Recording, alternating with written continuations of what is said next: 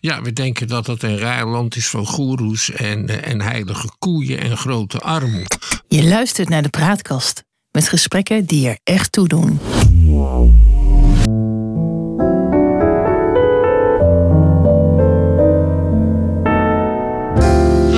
Welkom bij de Praatkast.nl. Dit is een aflevering van het Geheugenpaleis. Mijn naam is Joep Nierim en samen met Han van der Horst maken we deze podcast. De geschiedenis herhaalt zich nooit, maar rijmen dat doet hij vaak wel. En dat gegeven gebruiken we in het Geheugenpaleis om dieper in te gaan op de actualiteit. En om zo te ontkomen aan de waan van de dag en om tot de kern van het nieuws te komen. India gaat naar de maan. Letterlijk eh, bedoel ik dat. En ik vind dat nogal bijzonder. Ik vind zoiets een beetje nostalgisch altijd, zo'n zo maanreis. Ehm, Han, wat vind jij daarvan? Nou ja, het laat zien uh, hoe de technologische ontwikkeling van uh, India is. Hè. Ze kunnen een, uh, een, raket naar de maan sturen. Die laten ze eerst om de aarde draaien een paar weken. En uiteindelijk komt die bij de maan terecht. we maken vandaag helemaal ons. Ehm, motto waar. We doen niet aan de waan van de dag. We hebben al genoeg over Rutte geluld. Uh, we gaan het nu hebben over een vergeten grootmacht. Ja. India. Is India voor u belangrijk als u medicijnen moet innemen van de dokter wel? Want die zijn daar waarschijnlijk gemaakt. En u bent enorm de klos als India die niet meer zou willen leveren. Nee, maar even terug. De maan. Want dat vind ik toch intrigerend. Uh, volgens mij uh, stond de eerste mensen op de maan uh, in 1969. Dat was volgens mij ook de enige keer dat de mensen naar de maan gebracht waren. En we zijn nou, wat is het, meer dan 50 jaar verder. Um, en dan lukt het India ook. Wat zegt dat dan? Nou, ze brengen geen mensen maar de, naar de maan, maar een raket. Nou ja, en goed. ook niet vergeten Nog niet eens dat, mensen. dat de Amerikanen een paar jaar eh, na die eerste man op de maan zelf ook mee zijn eh, opgehouden. Het land doet al enkele decennia succesvol aan ruimtevaart, in het algemeen met communicatiesatellieten. En ze hebben ook al tientallen jaren een eigen atoommacht. Betekent dat dan, want ja, je kan je natuurlijk afvragen wat nou het belang is van een mens brengen op de maan of om naar de maan te gaan. Maar is het niet veel meer een soort prestige wat uh, de, de grootmachten op die manier laten zien? Van kijk eens wat wij kunnen. Uh, dat is zeker het geval. Aan de andere kant heeft de technologische ontwikkeling en het uitvinderswezen dat noodzakelijk is voor het ontwikkelen van ruimtevaart heel veel of spin-offs naar de dagelijks leven. Hè? Bijvoorbeeld ja. magnetrons in, hier in het westen of tefalpannen, om maar eens wat te noemen wat u waarschijnlijk ja. in huis hebt. Ja. Dus je moet het nuttige effect daarvan niet onderschatten. Nee, maar, maar dat werd wel zo in die zestiger jaren als een soort wedloop tussen Amerika en Rusland volgens mij gezien. Hè? Want Rusland was de eerste met een mens in de ruimte, of met een beest in de ruimte. En toen heeft Amerika gezorgd dat er als eerste een mens op de uh, uh, maan uh, stond. Ik, ik kan dat toch niet helemaal loszien. En, en China is volgens mij in 2013 naar de maan gegaan, geloof ik. En nu India ook. Dat zegt dan toch ook wat over ja, de, de staat van, van India en, en waar het mee bezig is. Nou, dat is ook het geval. het hoort bij de paraphernalia van een grootmacht dat je het een en ander aan ruimtevaart doet. China heeft trouwens ook een eigen station uh, rond de aarde draaien. Dat heet het Hemelse Paleis, wat ik een prachtige naam vind. ik denk ja. ook dat uh, deze, dit, dit, dit nieuwe hoogtepunt van de Indiase ruimtevaart erg goed is voor het nationale zelfvertrouwen van het land. Ja. We hebben toch een beetje de neiging uh, uh, om het te zien als een soort ontwikkelingsland. Maar ja, het is volgens mij het land met de meeste inwoners. Het is dit jaar China voorbij gegaan. 1,3 miljard mensen die daar wonen. En dat gaat ook nog verder groeien. Het is een economische grootmacht. Het is een intellectuele grootmacht. Uh, hebben we niet een beetje de neiging in het Westen om te onderschatten wat daar gebeurt? Ja, we denken dat het een raar land is van goeroes en, en heilige koeien en grote armoe. Wat die armoe betreft, het uh, nationaal inkomen per hoofd van India zit op, dacht ik, uh, zoiets van 2240 dollar en nog wat. En het Nederlands op 57.000 dollar, hè, dat is het verschil. Toch, omdat, ze India met zo, omdat de Indiaanse bevolking zo groot is, is er een enorme middenklasse met een westers consumptiepatroon en de daarbij behorende industrie. Ja, en kan je daar voorbeelden van noemen? Auto's, ehm, films. Bollywood de, de studio's van Bollywood bij elkaar zijn aanzienlijk groter dan, dan die van Hollywood. En uh, ze voeren een grote heerschappij uit over de bioscopen in, uh, in Afrika en in Azië. Hier niet zo erg in Europa, maar elders wel. Ja, en in Den Haag worden er nog wel eens van dat soort Bollywood-films gedraaid. Ja. Meestal op de late uren. Maar heel beperkt. Ja, maar dat, moet je, dat zit op in, in, in, in dat, dat is in Lagos een stuk anders. Dus India heeft een enorme culturele invloed op grote delen van de wereld. Dat is trouwens al duizenden jaren zo. De beschaving daar in, in India, dat moet toch wel een paar eh, duizend jaar of een paar honderd jaar eh, zijn ontstaan na zeg maar de westerse beschaving? Nou, ongeveer gelijk op. Dat kun je beter zeggen. Wij hebben nogal de neiging om de bakermatten van de beschaving te zoeken in het Midden-Oosten. Ongeveer tegelijkertijd kwam er in de Indusvallei, dus in het huidige Pakistan, mhm. zeg maar, een, uh, een eigenstandige beschaving op, die uiteindelijk de wortel is van de huidige Indiaanse beschaving en cultuur. Je hebt wat dat betreft eh, aan onze kant van de wereld drie grote polen van beschaving, van het ontstaan van ingewikkelde landbouwsamenlevingen in het Midden-Oosten, in India en in China.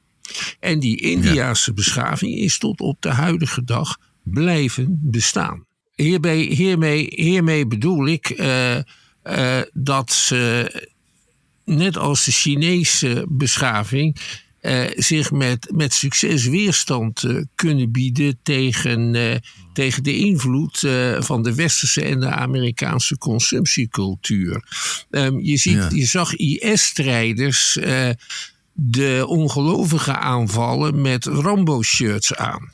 Dat zal in India niet zo gauw gebeuren. Daar hebben ze hun eigen films tegen. Ja. Ja, we hebben de, de neiging om ons eigen westerse blik eh, op de wereld nogal als de belangrijkste blik eh, te zien. Maar je kan ook op een andere manier naar de wereld kijken. Zeker, en dat doen ze in India. En we hebben natuurlijk ook heel erg de neiging om India te onderschatten. Want dat is in de ogen van veel mensen toch een land waar je naartoe gaat om wiet te roken en in de band te komen van goeroes. Ja. Maar nog maar Tata Steel is eigenaar van Hoogovens. En Hoogovens was ooit een Nederlands staatsbedrijf. Hè? Dus ze zijn rollen aan het omdraaien. Ja.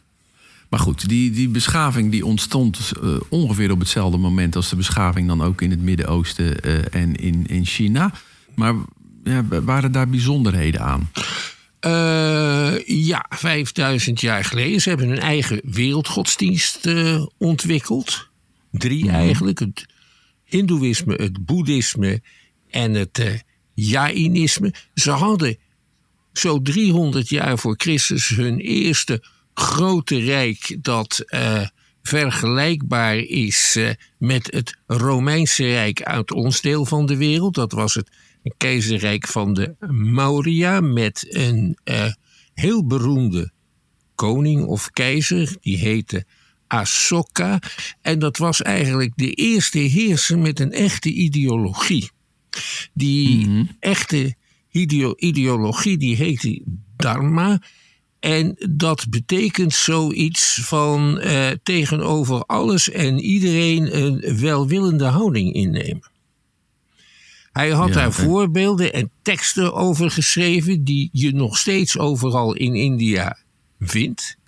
En Ashoka zou tot die ideologie zijn gekomen nadat hij spijt had gekregen van een genocidale oorlog die hij had gevoerd in uh, het huidige Orissa, een belangrijke deelstaat van India. En dan hebben we het nou mhm. over zo'n beetje 300 voor Christus. Uh, er is een tijd geweest dat uh, het grootste deel van het huidige India en een stuk van Pakistan deel uitmaakte van het, het rijk van de grote Moguls. Dat was in de 16e en de 17e eeuw ook. Dat was toen het rijk met de allergrootste economie ter wereld.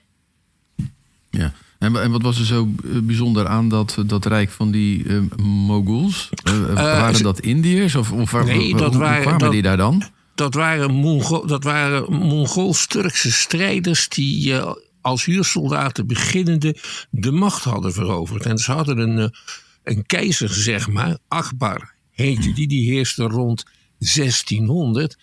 En die ehm, stond een samenleving voor waarin de beleiders van alle godsdiensten met elkaar samenwerkten. Hij had die beleiders ook aan zijn hof en dan gingen ze discussiëren en dan zat de keizer te luisteren. Bijzondere man.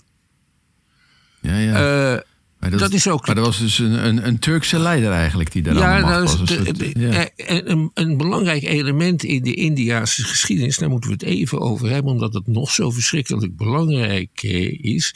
Dat is de strijd Ja. tussen de Hindoes en de moslims, met een bijrol voor de Sikhs en, en voor die Jain. eh, mensen. Ja. Zo vanaf het jaar 1000, kort na het jaar 1000, beginnen moslimlegers India te veroveren. En die zijn dominant gebleven in de politiek, toch tot gauw in de 18e eeuw. Hè. Daarna komt er een, eh, een, een, een tegenoffensief van Hindoevorsten, zeg maar. Dus dat betekent dat de moslims lange tijd de macht hebben uitgeoefend in eh, India, die nooit helemaal hebben hoeven opgeven. Dat er in allerlei Indiase deelvorstendommen waren met moslims aan de leiding. En dat leidde vaak tot grote godsdienstige conflicten en die zijn er nog steeds. Ja. Eventjes, was dat ook in de tijd dat, dat zeg maar het Westen op kruistocht ging eh, tegen, tegen de islamieten? Eh, ja, maar En- die hebben, dat was in de 12e, 13e eeuw. Eh, Ja. En dit is een ander front, om zo te zeggen. Want wa- waarom heeft dat Westen dan nooit een, een interesse getoond voor, voor dat Aziatische gedeelte dan Nou, dat eigenlijk? interesse, die interesse zijn ze gaan tonen eh, vanaf 1500, toen Vasco da Gama voor het eerst vanuit Portugal naar India wist te varen. En dan Ja, ja. komen die beroemde compagnieën in het spel, zoals onze eigen Verenigde Oost-Indische Compagnie.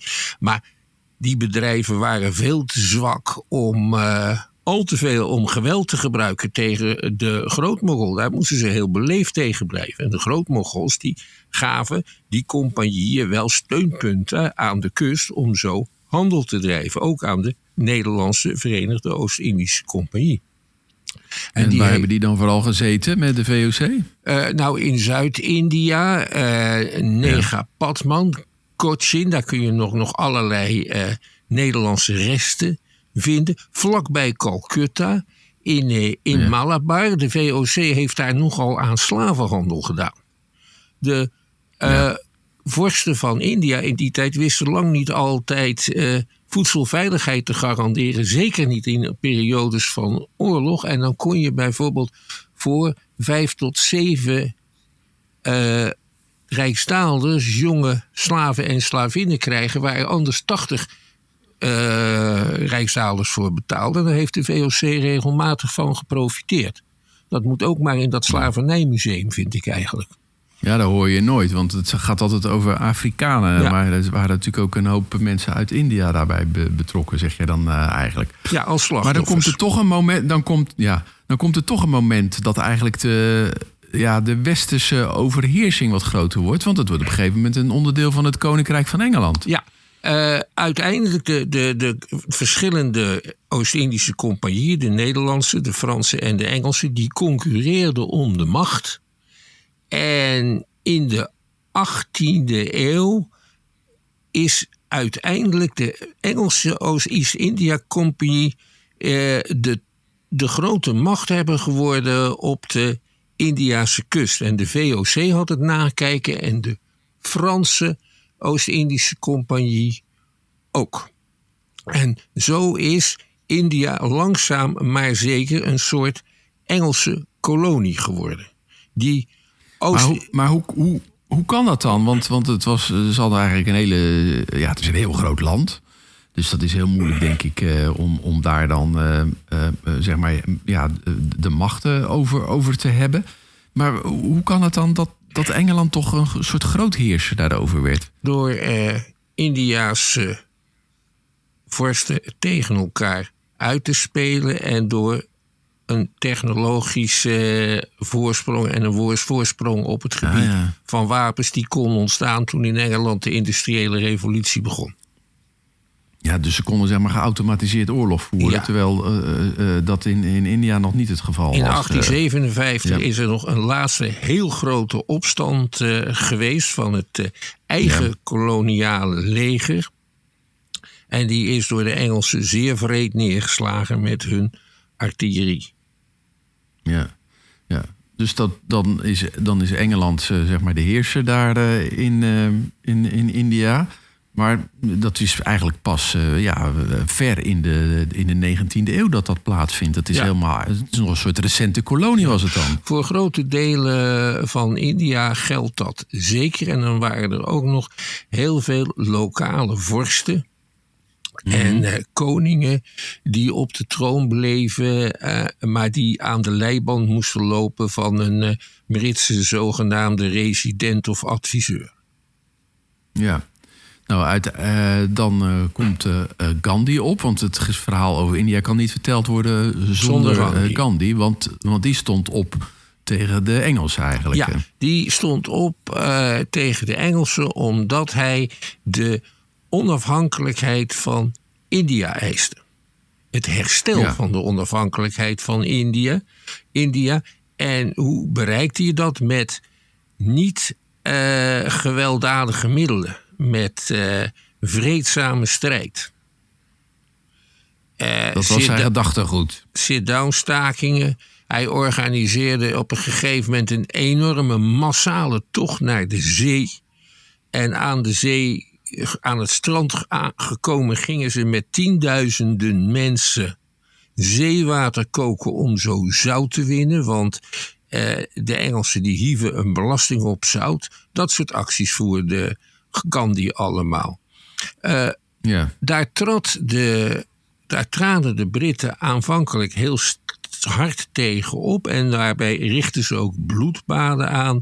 Bijvoorbeeld het bloedbad van Amritsar. Nu een hoofdpunt in elk Indiaas geschiedenisboekje. En op die manier kreeg Gandhi steeds meer sympathie. Zowel in India als ook in Engeland bij progressieve kringen. Want dit soort eh, niet gewelddadig verzet werkt natuurlijk alleen maar als je staat tegenover een tegenstander met een geweten.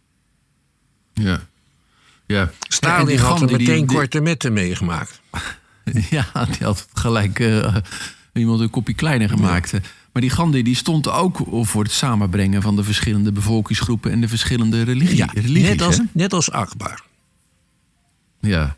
Maar en dat heeft hem uiteindelijk wel letterlijk eh, de kop gekost, want hij is vermoord.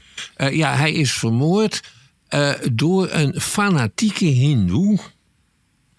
En die fanatieke hindoe die had een soort, een soort gedachtegoed... wat redelijk wijd verbreid was. En wel dat het nieuwe India een hindoe-staat moest zijn... en dat de moslims daaruit moesten worden verdreven. De, Ja, maar dat wilde Gandhi niet. Dat wilde Gandhi niet en daarom is hij doodgeschoten. En de huidige premier Modi komt uit diezelfde manier van denken voort. Ja, er is overigens een fantastische film eh, eh, over verschenen uit 1982. Echt een, eh, een epische film, eh, kan je wel zeggen. De film heet ook Gandhi. Ja. Met in de hoofdrol eh, Ben Kingsley als eh, Gandhi. Ja. En nou, de, de- er kost nog moeite gespaard bij het maken van die film. Ik moet zeggen, ik heb hem toen gezien. Het is een zeer indrukwekkende film. Maar goed, Gandhi wordt dan vermoord. En, maar ja, India bereikt dan toch ook de onafhankelijkheid. Ja. In die film komt een eh, belangrijke bijfiguur voor en dat is Mohammed eh, Ali Jinnah. Dat is een moslim-medestander van, eh, van Gandhi die niks moet hebben van het ascetisme van deze Gandhi en die graag whisky drinkt. En die ging op een gegeven moment met een eigen partij, de Moslimliga, eh, strijden voor een opdeling van India. En er zou moeten ontstaan een staat Pakistan, waar de moslims in de meerderheid waren. En de moslims waren al in de meerderheid in het westen van het oude India. En ook eh, in de delta van de Ganges en de Brahmaputra. Daar liggen nu de huidige staten Bangladesh en Pakistan. Dat zijn allebei moslimstaten. Eh, Pakistan is in 1947 ontstaan tegelijkertijd met India. Eh, dat heeft aan beide kanten van de nieuwe grens tot een verschrikkelijke genocide geleid. Er zijn zeker Ja. meer dan een miljoen doden bijgevallen. En grote stromen van mensen die van Ja. links naar rechts gingen natuurlijk. Zeker. Ja, en die, ja. bijvoorbeeld die ballingen, die spelen als aparte groep nog steeds een belangrijke rol in de Pakistaanse politiek. Eh, Ja. Ondanks die etnische zuivering, zal ik maar zeggen, is toch nog 14% van de bevolking van India moslim. Ja, en dat daarmee is India- goed, hè? De grootste moslimnatie ter wereld. Ja. Want het is Ik wel dacht dat 14 Indonesië dat van, was. van. Wat? Ja, maar het is meer dan 14, pro, 14 van meer dan een miljard. Ja, dan zijn er Ja. best veel. Dat zou zijn ik er maar zeggen. best veel. Ja, En Ja. eh, die zitten nu in de hoek waar de klappen vallen. Officieel is India nog steeds geen Hindoestaat. Officieel is India nog steeds een staat die de, eh, die de beoefenaren van elke godsdienst welkom heet. Maar in de praktijk zijn de Hindoes natuurlijk zeer in de meerderheid. En de huidige regeringspartij, ja, die zou je denk ik nog het best als je naar een Europees voorbeeld zoekt kunnen vergelijken met het Vlaamse blok of de partij van Die de Wever, weet je wel. En wat dan Ja. voor hen Vlaams nationalisme is, dat is voor de partij van Modi hindoeïstisch nationalisme. Ja. hè. Er zijn tegenwoordig wanneer- ook allerlei ja, conflicten, lokale conflicten, waarbij je dan ziet dat woedende Hindoes een moskee afbreken, die daar vaak al even stond, omdat ooit de moslims die de, de daar staande Hindoe-tempel hebben afgebroken. En daar komt men nu na drie eeuwen op terug. Dat soort grappen. ja, soort dingen hebben we hier in Europa natuurlijk ook eh, best eh, regelmatig aan de orde van de dag. Eh, maar die Modi, wanneer is die aan de macht gekomen? Want dat is toch een wat, Nou. wat ja, meer fundamentalistische man dan eigenlijk de mensen die daarvoor kwamen. Ja, tegen 2014. Kijk, de, de, de, de onafhankelijke strijd is, hij, strijd is gevoerd door de partij die nu in de oppositie is, de grootste oppositiepartij. En dat is de Indiase Congrespartij. Die stamt al uit 1885. Die is overgenomen, zeg maar, door Gandhi. En na de Ja. dood van Gandhi is de partij in handen gekomen van eh, zijn rechterhand, Nehru. Nehru is Ja. de eerste premier van het onafhankelijke India. Dat is hij tot in de jaren 60 gebleven. En dat was een nationalist, maar ook een socialist. Die streefde naar autarkie, naar een eigenstandige ontwikkeling van India. En hij was ook een beetje een socialist en dat leidde ertoe, die afsluiting van het buitenland op allerlei gebied, eh, dat de economie onvoldoende groeide om de toename van de bevolking bij te houden. Oudere luisteraars herinneren zich nog wel de enorme actie die in de jaren 60 is gevoerd. Eten voor India, omdat er zulke grote hongersnoden plaatsvonden, met name in de deelstaat Bihar. Maar dat was gewoon een slecht eh, geleid land met een slecht eh, plan. Ja, Ehm, en, en zou je kunnen zeggen dat toen, toen ja, die partij verdween, de echte ontwikkeling van India is eh, doorgebroken? Want het is natuurlijk een grootmacht. Als het gaat bijvoorbeeld als je, als je belt met eh, Booking.com, dan krijg je iemand in India aan de telefoon. Als je belt met Microsoft, krijg je iemand aan de India-telefoon. Ja, bij alle grote concerns, die hebben daar enorme callcenters, maar ook enorme ja, plekken waar geprogrammeerd wordt en waar ICT bedreven wordt, zal ik maar zeggen. Nee, dat is waar. Dat is, sinds de jaren 80 is, heeft men dat echt verlaten. Nehru is overigens min of meer opgevolgd door zijn dochter. Die heette Indira Gandhi en die is vermoord nadat zij Ja. eerst een tijd lang een dictatuur had uitgeoefend. En die is weer opgevo- opgevolgd door haar eh, zoon Rajiv Gandhi, ook vermoord. Die is ook vermoord, hè? Ja, eh, er is een Italiaanse dame ingetrouwd in de familie. Ja. Die nu nog een grote rol speelt in deze congrespartij. En de goede kant van de congrespartij is dat ze is gemoderniseerd. Maar dat ze ook altijd het tolerante, voor alle geloven, openstaande India heeft verdedigd. Wat is de naam van die Italiaanse dame? Sonia Gandhi. En die was getrouwd met Rajiv Gandhi. En die heeft haar, zijn rol proberen over te nemen nadat hij was vermoord. Hij is al een hele tijd voorzitter geweest van de congrespartij. Ze heeft in het parlement gezeten. Daar zit ze trouwens op het moment nog in. En ze speelt nog steeds een, eh, een rol in de politiek. De dame is eh, in de 70, but still going strong. Eh, die, die Modi is in, in 2014 dan premier geworden. Dat, die brak dan eigenlijk met dat meer gematigde eh, karakter van de regering. Omdat hij wat meer fundamentalistisch eh, Ja. was. En het heeft eigenlijk heel, zijn, zijn taal is heel erg Trumpiaans, om zo te zeggen. ja. Het is een echte volksmenner. Hij is sterk geneigd de macht van de staat in te zetten om zijn kandidaten te steunen. Maar ook om het politieke tegenstanders lastig te maken, zonder dat hij nou een einde maakt aan de democratie. Maar, maar de, de pers bijvoorbeeld, de vrije pers, heeft toch wel last van, eh, van processen en boetes enzovoorts. Ja. Dus liberalen in India die maken zich behoorlijk zorgen over de toekomst. Ja, je ziet eigenlijk dus een ontwikkeling die in de rest van de wereld ook ziet. Zoals je die ziet in, in, in Rusland, in Ja. Amerika onder Trump, eh, Bolsonaro in eh, Brazilië. dat- dat, ja, wat, wat mensen die de macht naar zich toe trekken. Erdogan in Turkije is ook zo'n voorbeeld ervan. En dat probeert Modi ook. Maar je zou toch kunnen zeggen dat hij succesvol is eh, in zijn politiek. Ja, want hij eh, weet de, minder, de meerderheid van de Hindoe-kiezers eh, tot nog toe achter zich te krijgen. Aan de andere kant is er toch ook wel weer sprake van allerlei etnisch en godsdienstig geweld in het land. En dat, dat zijn vlammen die natuurlijk op een verschrikkelijke manier in de pan kunnen slaan als je dat niet beheerst. Dat is wat India nu bedreigt. Hè. Het is een aantal malen in zijn geschiedenis eh, verenigd geweest, maar daarna is het weer uiteengevallen. En je moet ook niet vergeten dat India geen niet zozeer een land is als wel een continent. Hè. Men spreekt er bijvoorbeeld tientallen talen. Er wonen zeer uiteenlopende volkeren en die moeten het maar met elkaar zien te rooien.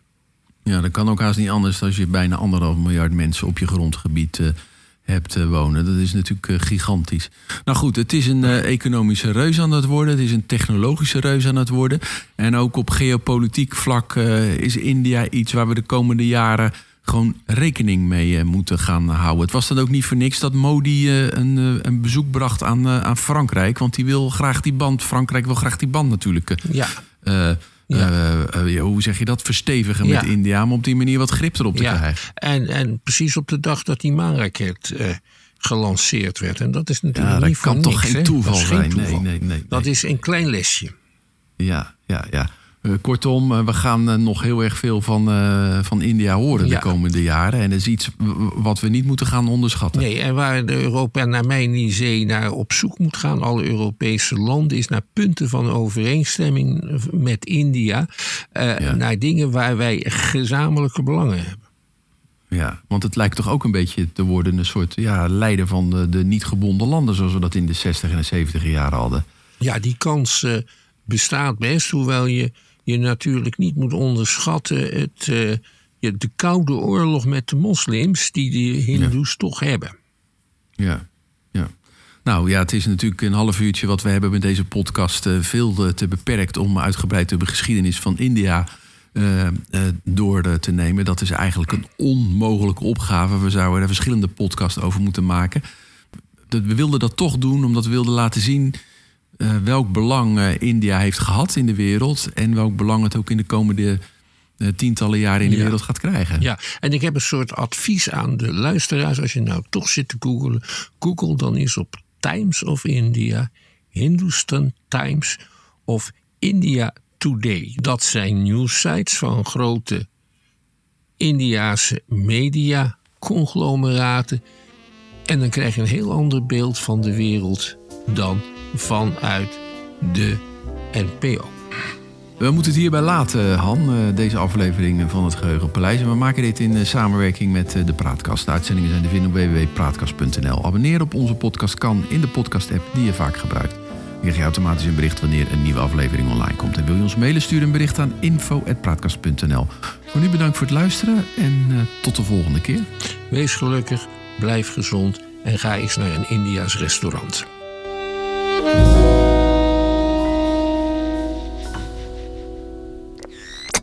De Praatkast.